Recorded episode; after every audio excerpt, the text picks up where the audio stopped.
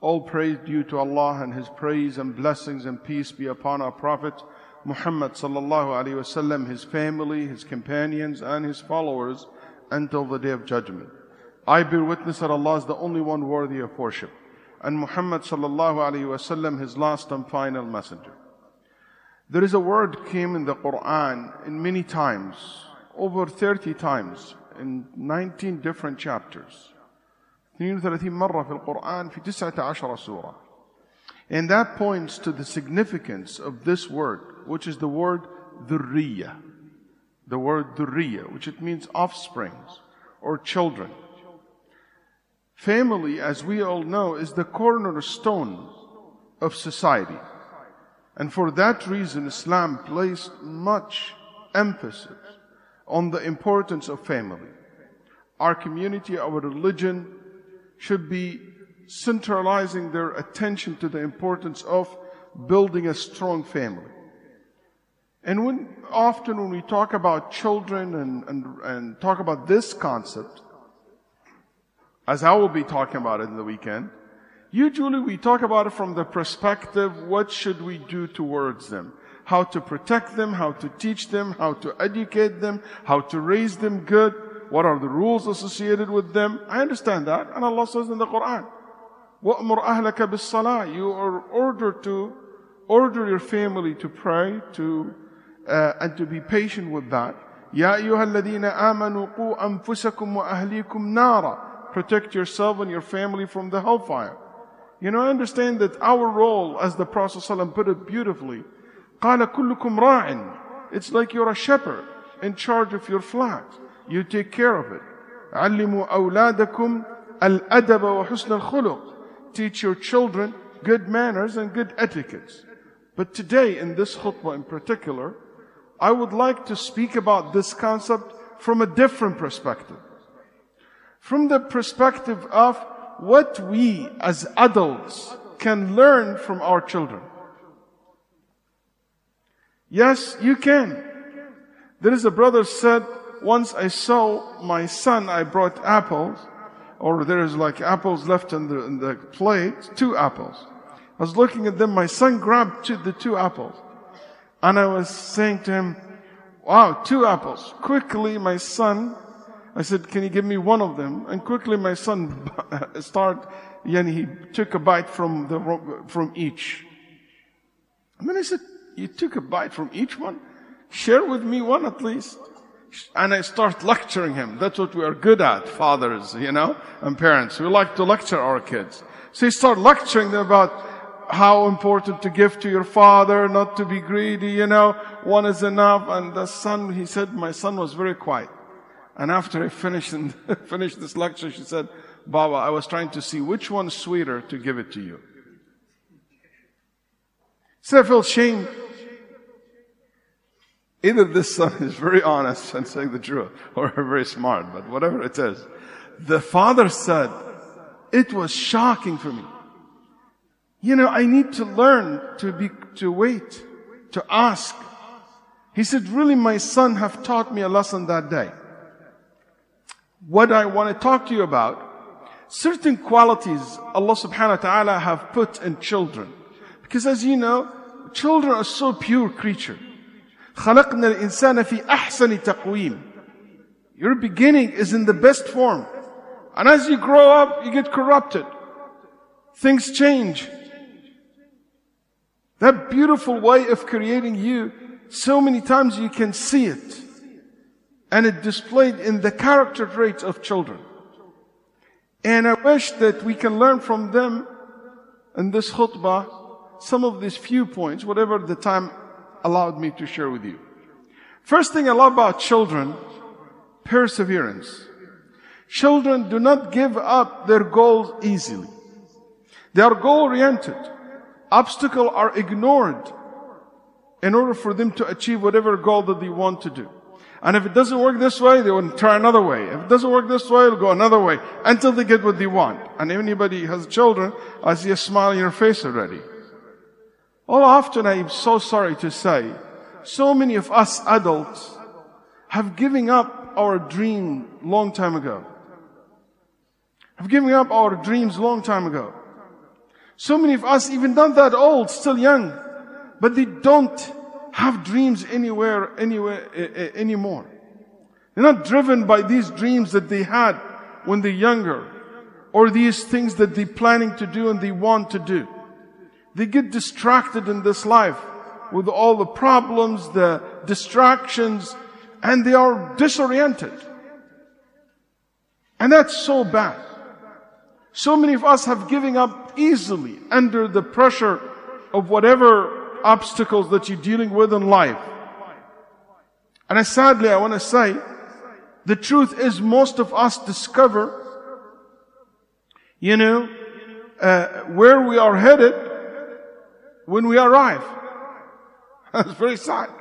You discover where you're headed by the time you arrive because you don't see that coming.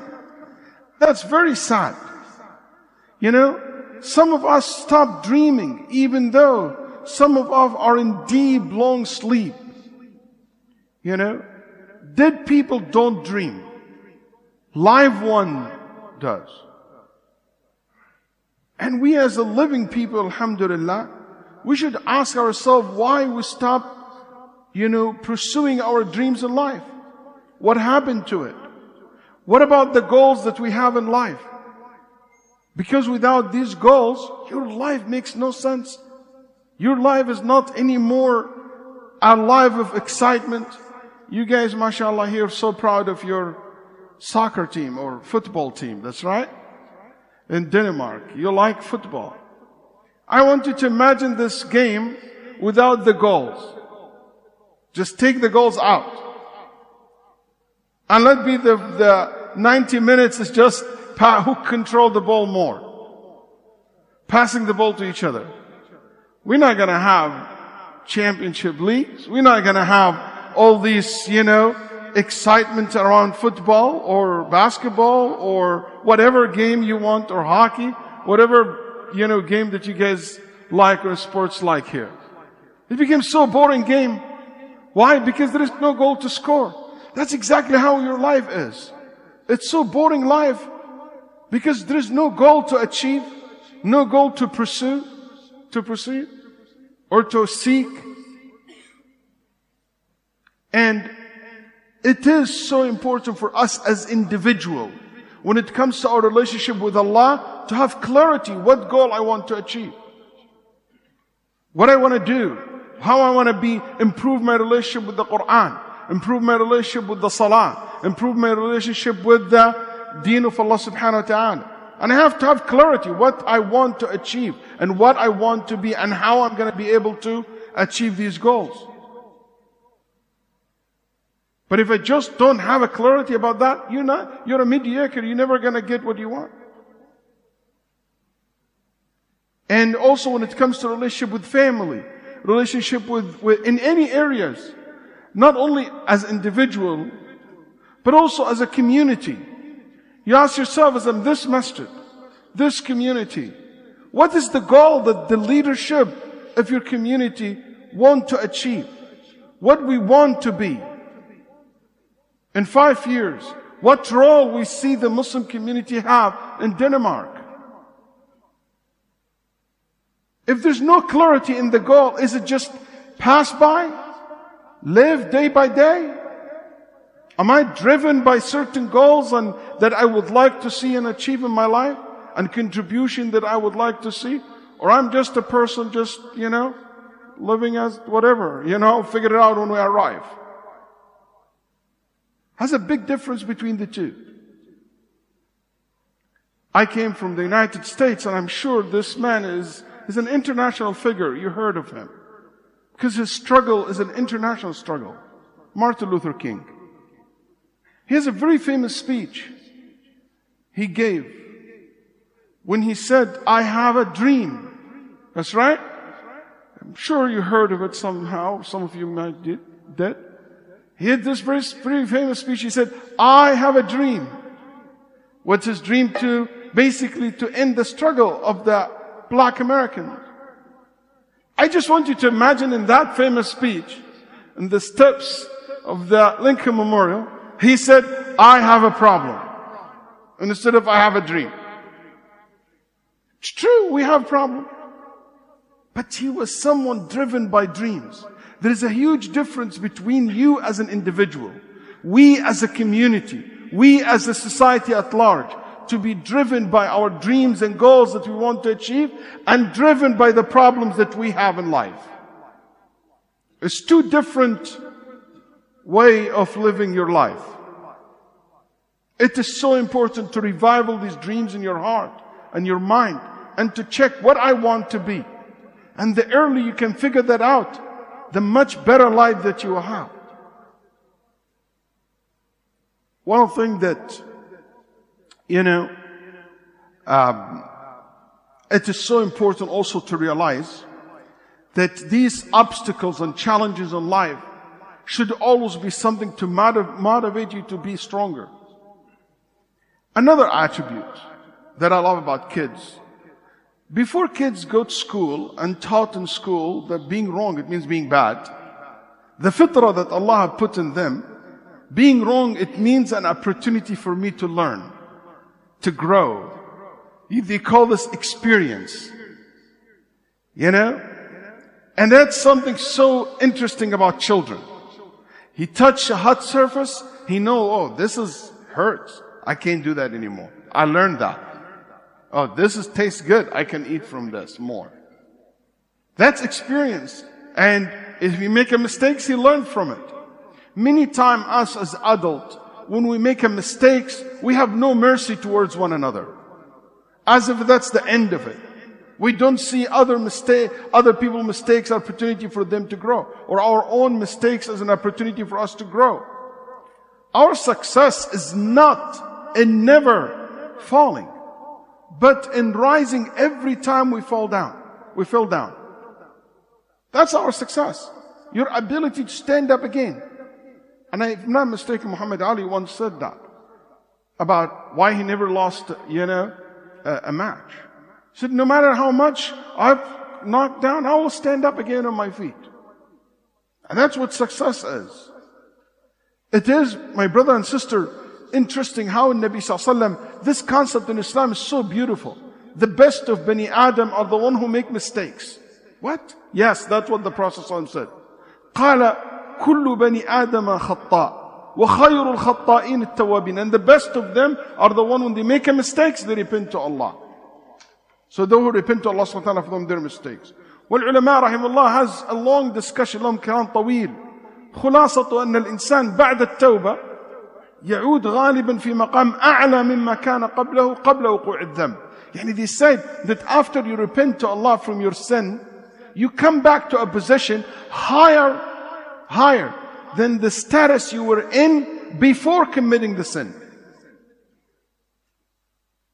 that's a very interesting concept is that mistake for me when I deal with it in the right way, with the positive attitude, it makes me grow stronger. You know, many brothers and sisters, you know, uh, as I said, when it comes to the mistakes that happen, in Nabi Sallallahu for example, Usama bin Zayd did a mistake and Nabi was very angry at him. But look, two years later, Nabi Sallallahu appointed Usama bin Zayd to lead the army that had gone to the north of Arabia. That mistake never made Usama feel that bin Zayd, that I can't do this job anymore. I can't participate anymore. It did not either stop the Prophet from using him as well. One of the things that I love about children, the purity of the heart. Children forgive quickly. They might be upset a little bit, but you know what? You do good to them, and after a while, they let it go. Adults, understand. it's another game. Some people, wallahi, tuhsin ilayhim dahra kulla. You're so good to them all your life. And you make one mistake, that's it. He only see you through that mistakes. Put you in that frame, never forgive you. And I want to say something. Learn how to forgive and forget.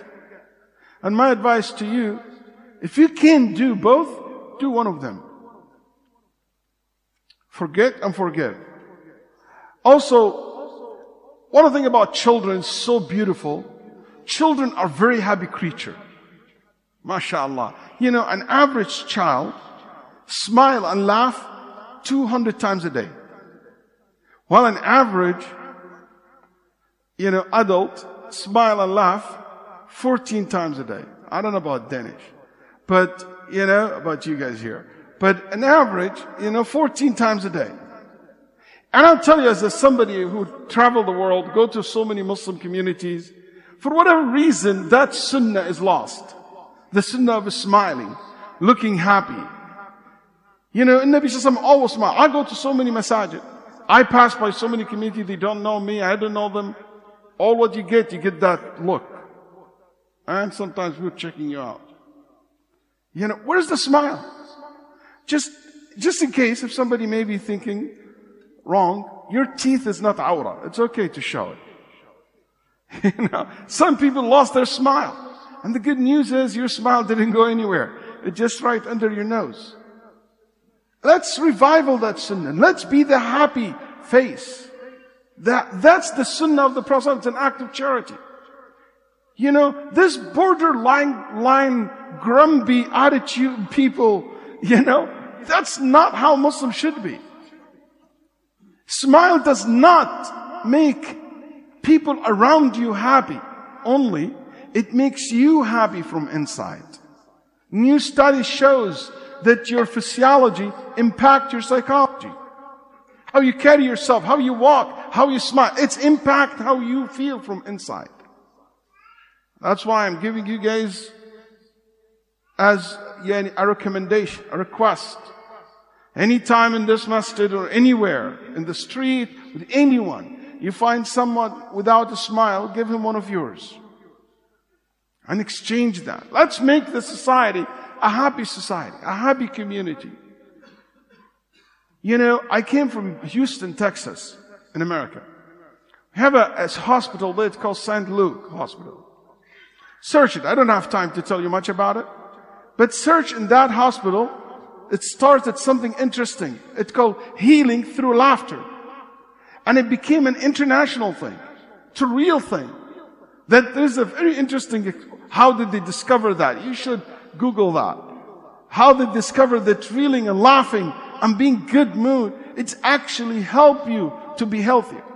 Found out that in your body, natural, natural, you have cells, KN or NK, natural killing cells, that is so active when you smile, when you're happy not active in producing more in numbers, but also it's very active in its nature.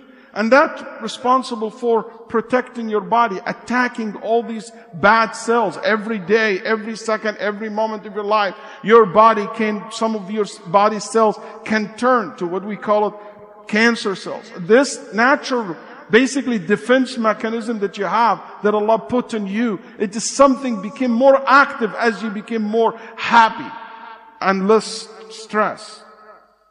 You know, they said it is one of the best thing to do for your face is not Botox. It's smiling.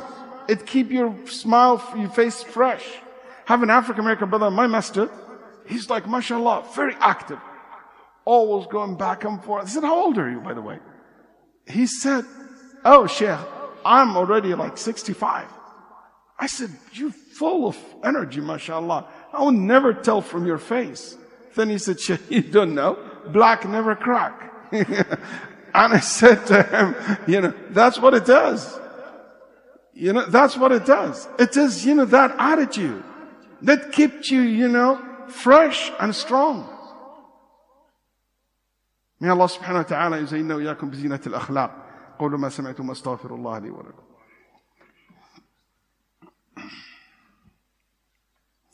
الحمد لله وحده والصلاة والسلام على من لا نبي بعده وبعد. There's so many things about children I would like to speak about to you today, but we have to end it right now. But definitely one thing that I want you to think about it, how active kids are. How lazy we become. You know, one of the things that's so interesting about kids, sense of confidence. My son thinks that he's the best soccer football player in the world. My daughter thinks that she's the most beautiful girl in the world. And my other son thinks that he is, mashallah, flash. He's the fastest person in the world. But that sense of confidence is so important. I want you to be confident in the sunnah of Muhammad sallallahu I want you to be confident in your religion. I want to be confident in your abilities, in yourself. That's a concept in Islam we call al-izzah. That dignity, that strength. Kids keep growing and learning and, and, and discovering. Today we tell people, hey, come and learn Quran. I was so happy last night to see a group of people reading Quran here in the masjid.